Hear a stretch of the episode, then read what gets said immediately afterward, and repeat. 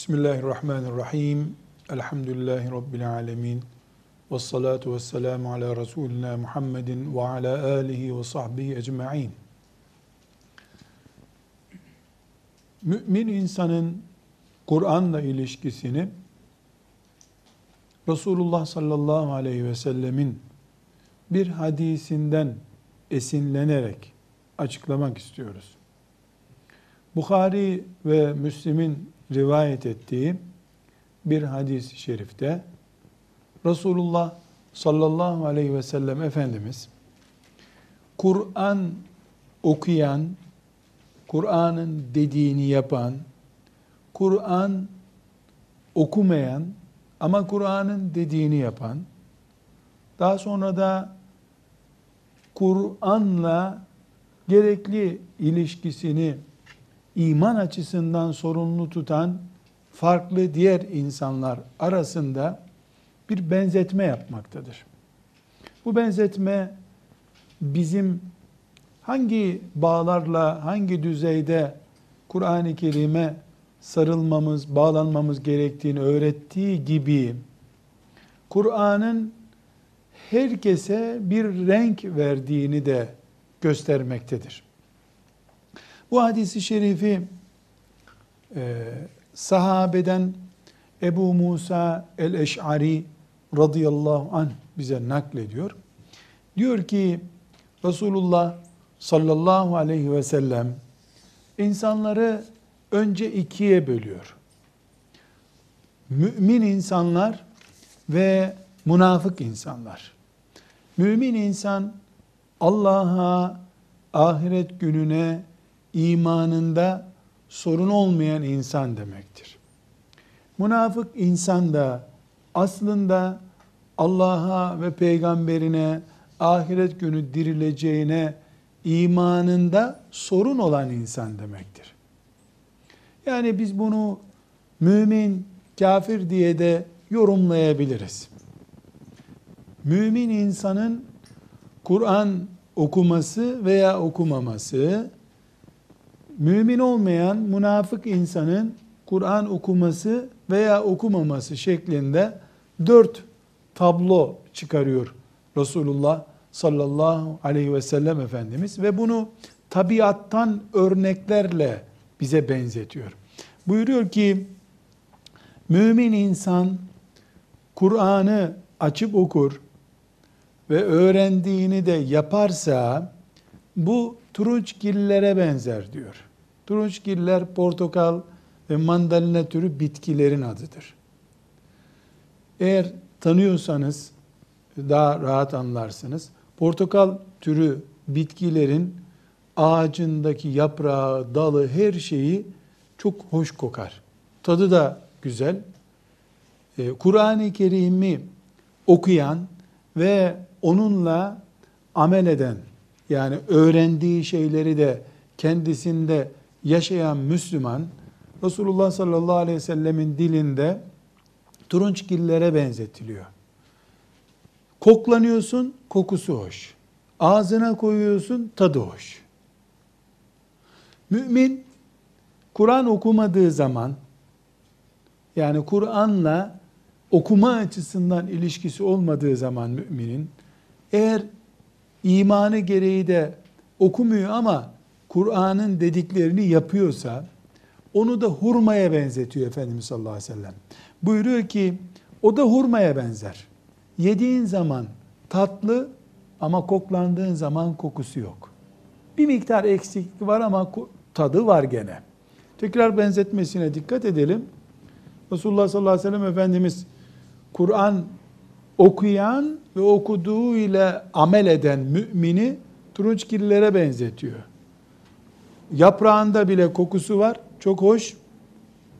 Aynı şekilde yiyorsun, tadı var, çok hoş. E, öbür taraftan mümin Kur'an açıp okumuyor ama belli oranda da Kur'an'ın haram ettiklerini haram görüyor, emrettiklerini yapmaya çalışıyor. O mümini de hurmaya benzetiyor. Yediğin zaman tadı çok güzel, koklandığın zaman kokusu yok. Yaprağı da kokmuyor, kendisi de kokmuyor. Diğer insan türüne yani Kur'an-ı Kerim'le iman açısından bağı zayıf olan insana gelince, münafığa gelince bu da Kur'an okuyor kabul edelim. Yani münafık insan açıyor Müslümanlar gibi o da Kur'an okuyor. O Kur'an okudukça ortaya hoş bir koku çıkıyor. Onun için Kur'an okuyan münafığı sesi güzel olduğu için ya da iş olsun diye mesleğinden dolayı Kur'an okuyan birisi fesleğen çiçeği gibidir diyor. Fesleğen çiçeği gibidir. O Kur'an okudukça Kur'an'dan güzel kokular çıkıyor çünkü. Ama ağzına koyduğun zaman zehir gibi yenmez. Münafık eğer ne Kur'an okuyor ne de amel etmiyorsa o da Ebu Cehil karpuzu gibidir diyor. Ebu Cehil karpuzu diye küçük bir bitki var. Çalılıklarda böyle dikenliklerde büyür. Ne tadı var ne kokusu var. Ağzına kosan zehir gibi. Koklansan kokusu yok. Leş gibi.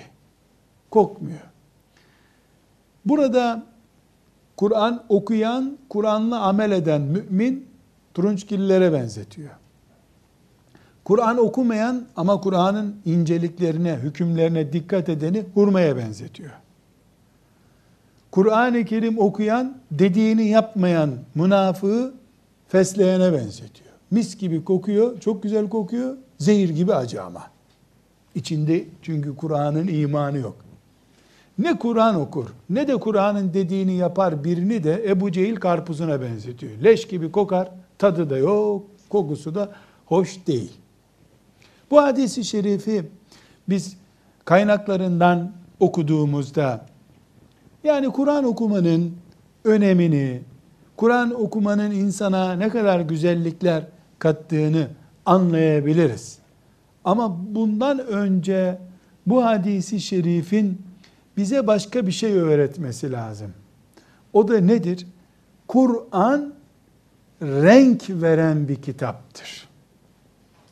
Bu renk vermeyi biz kokuda da tatta da anlayabiliriz. Kur'an-ı Kerim hem senelerdir okuyorsun hem de hala sana bir şekil vermemiş olamaz. Münafığın üzerinde bile Kur'an-ı Kerim'in fesleğen kokusu kadar da olsa bir etkisi o var. Kur'an muhakkak etki eder. Evet, münafığın üzerindeki bu etkiyi koku düzeyinde sınırlı görmek zorundayız. Tatlan ağzına aldığın zaman bir tadı yok, zehir gibi. Ama ne de o ne olursa olsun münafık bile Kur'an okusa basit bir koku düzeyinde de olsa onda bir güzellik oluşuyor demek ki. Kur'an'a iman eden, sabah akşam haftada bir cuma akşamı ne zamansa Kur'an okuyanın Kur'an'dan şekil alması lazım. Eğer bu şekil alınamıyorsa Kur'an-ı Kerim etki etmeyen bir kitap olmayacağına göre kusur Müslümandadır. Çünkü Kur'an ölüleri diriltecek bir kitaptır. Kur'an ne diyor Allah Teala? Dağlara indirilseydi لَوْ اَنْزَلْنَا هَذَا الْقُرْآنَ عَلَى جَبَلٍ Bu Kur'an dağlara indirilseydi dağların boynu bükülürdü. Dağları titriyor görürdün. Kur'an kaya parçalarına bile etki eden bir kitaptır. Senelerce onu okuyan birisine etki etmeyeceği düşünülemez. Eğer senelerce Kur'an okuyan birisine Kur'an etki etmiyorsa kayalardan daha katı bir yürek taşıdığı içindir bu.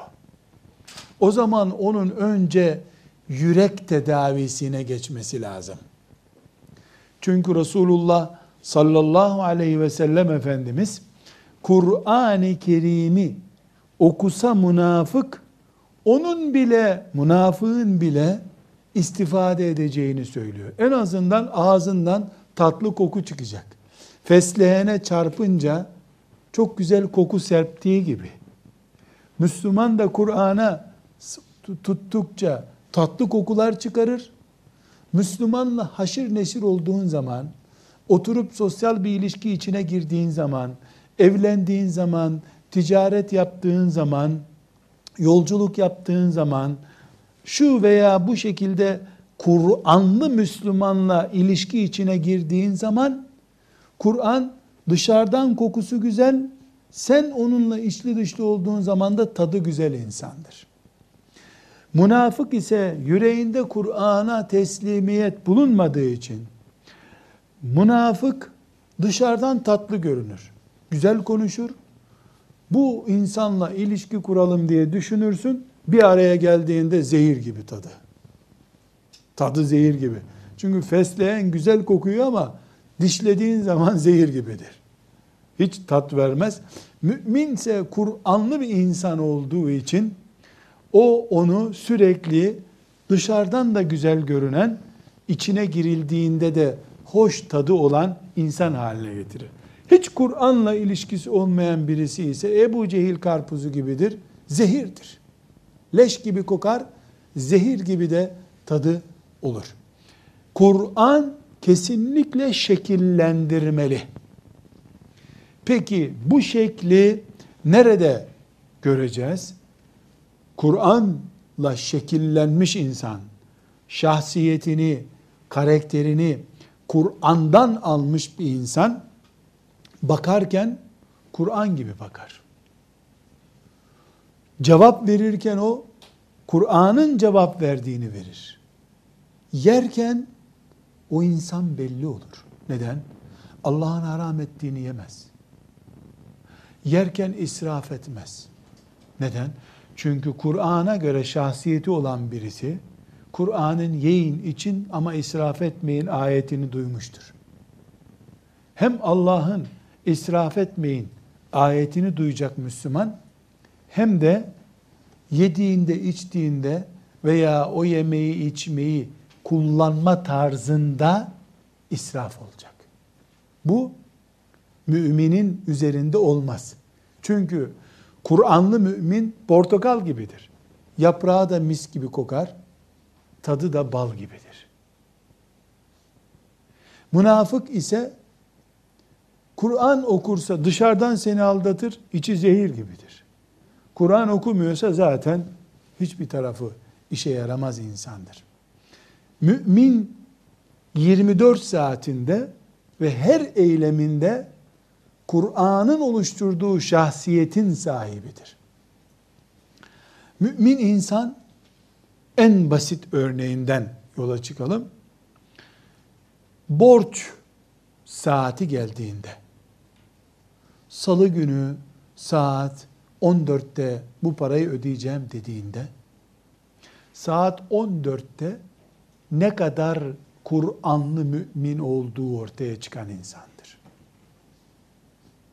Çünkü Allah mümine sadıklardan olmasını emretmiştir. Yalanı haram etmiştir. Bir insan hem Kur'an okur, Kur'an'a iman eder, hem de randevusuna, sözüne sadık kalmazsa, onu Resulullah sallallahu aleyhi ve sellem neye benzetmişti? Fesleğene. Dışarıdan güzel kokuyor. Vallaha billaha dedi mi çok güzel. Sonra ağzına koydun mu randevu saatinde zehir gibi. Mümin bu hataya düşmez. Bu hataya düşerse mümin ya imanında sorun var maazallah onu düzeltmesi lazım ya da henüz Kur'an onun içine sinmemiştir. Hafız olabilir. Yasin suresini biliyor olabilir. Ama ölümden bahseden, cennetten, cehennemden, ateşten bahseden Yasin suresini okuduğun halde Allah korkusu yok. Yalan konuşmaya cesaretin var. Cenneti gözünün ucunda tüten, burnunun dibinde tüten bir bahçe gibi hissedemiyorsun. Yasin okuyorsun. İşte fesleğen. Güzel kokuyor. Uygulamaya gelince. Ağza alınınca acı. Müminin ayet ayet Kur'an'dan şahsiyet kazanması budur. İnşallah Besmele'yi bir ayet olarak ele aldığımızda müminin yemek yerken Bismillahirrahmanirrahim ifadesinden yola çıkarak Bismillah deyip yemek yemesiyle bir kapıyı açıp dışarı çıkarken Bismillahirrahmanirrahim deyip dışarı çıkmasıyla sıradan bir şekilde besmele çekmeden dışarı çıkması, besmele çekmeden yatağına yatması arasındaki farkı göreceğiz. Sadece Bismillahirrahmanirrahim ile bir eğitim oluşturulmuş olsa o bile Kur'an'dan hayat bulmuş müminle başka insanlar arasındaki farkı görmek için sadece Bismillahirrahmanirrahim demek bile yeterli. Bunun için bu hadis-i şerifi Ebu Musa el-Eş'ari radıyallahu anh'ın rivayet ettiği bu hadis-i şerifi yani Resulullah sallallahu aleyhi ve sellemin Kur'an okuyan müminle okumayan mümin şöyledir diye benzetmesi. Kur'an okuyan münafıkla okumayan münafığın benzetmesi. Yani bir e, portakal cinsine benzetmesi, hurmaya benzetmesi, fesleğene benzetmesi ve diğer e, Ebu Cehil karpuzu dediğimiz acı ve kokusu pis olan bir bitkiye benzetmesi arasındaki farkı bugün biz hayatımızda görmeliyiz. Mümin olarak yaprağı bile çok tatlı kokan, tadı da çok hoş olan bir portakal gibi miyiz evimizde, iş yerimizde? Yoksa haçta, Kabe'de Allah'la baş başa kaldığında namazda çok tatlı ama ilişkilerde hiç hissedilmeyen, kokusu olmayan bir hurma gibi miyiz? Dışarıdan insanlar bizi ne kadar güzel kokuyor diye zannediyor. Yani Müslüman kimliğimizi çok güzel gösteriyor, reklamını yapabiliyor. Ama e, ilişkilere geldiğinde tam ters taraftan bir kimlik mi sergiliyoruz? Veya hiçbir türlü ne kokusu var ne tadı var. Çok batık bir hayat mı yaşıyoruz? Herkes kendisini test edebilir, etmelidir de. Allah kullarının hesabını sormadan kulları bu değerlendirmeyi yapmalıdırlar. Aksi takdirde mümin olmak, Kur'an'a iman eden insan olmak iddiadan ibaret olur. Peki Kur'an bir büyük kitabı mıdır ki onu okuyanları bu şekilde şekillendiriyor? Yani okuyorsun Kur'an'ı, okuduktan iki saat sonra hemen Kur'an seni portakal gibi tadı güzel, kokusu güzel, rengi güzel bir bitki haline getiriyor. Kur'an böyle büyü gücüyle iş yapan veya yoğunlaştırılmış ilaçlar gibi vücuda damardan enjekte edildiğinde hemen hastayı ayağa kaldıran tarzda bir kitap değildir. Kur'an'ın gücü kaynağından gelmektedir. Kur'an Allah'ın kitabıdır. Mümin de Allah'ın kuludur. Kul ile kitap ortak payda Allah olarak buluştuğunda Kur'an ölüyü ayağa kaldırır. Benim Rabbimin kitabı derse mümin, Rabbimin kitabı diye sahiplenirse, Kur'an o mümini ayağa kaldırır. Her tarafından kaliteli sonuçlar çıkartır. Hayır. Mümin kendisi Allah'ın kulu olduğunu, yarın cennetine girmek istediğini söylediği halde, cehenneminden korktuğunu söylediği halde, şimdi elindeki Kur'an'ı o kalitede bir kitap olarak göremezse işte burada sorunlar başlar. Bugün Müslüman nesiller olarak biz Kur'an'ı nasıl görüyorsak öyle müminleriz. Tamam. Kur'an'ı Allah'tan indi kabul ediyoruz. Evet, Kur'an'ı cennete sokan bir kitap olarak da kabul ediyoruz. Ama bizim hayatımızda hangi fonksiyonları var sorusuna cevap vermekte zorlanıyoruz. Yusuf Aleyhisselam'ın kıssasını anlatırken Kur'an bir tane kitap. Firavun'u anlatırken yine bir tane kitap. Mekkeli müşriklere Resulullah sallallahu aleyhi ve selleme eziyet eden müşriklere lanet ederken Kur'an o biçim kitap. Babandan kalan malı şu şekilde taksim edeceksin derken hangi kitap bu? Faizi yasaklarken Allah ile savaşmaktır bu faiz derken Firavun'u ve Nemrut'u anlatan ayetleri dinler gibi mi dinleyebiliyoruz Kur'an'ı? Yahudiler Allah'ın ayetlerini şöyle şöyle yaptılar diye vay hain Yahudiler lanet ediyoruz. O zaman Kur'an bize konuşuyor. Ama müminlere hitap edip faizi bırakmazsanız bu Allah ile savaşmaktır ha diye ikaz ettiği zaman iki sayfa öncesinde Yahudilere lanet ederken onlara böyle öldürücü oklar salan gözlerimizle neredeyse Yahudileri boğacak gibi iken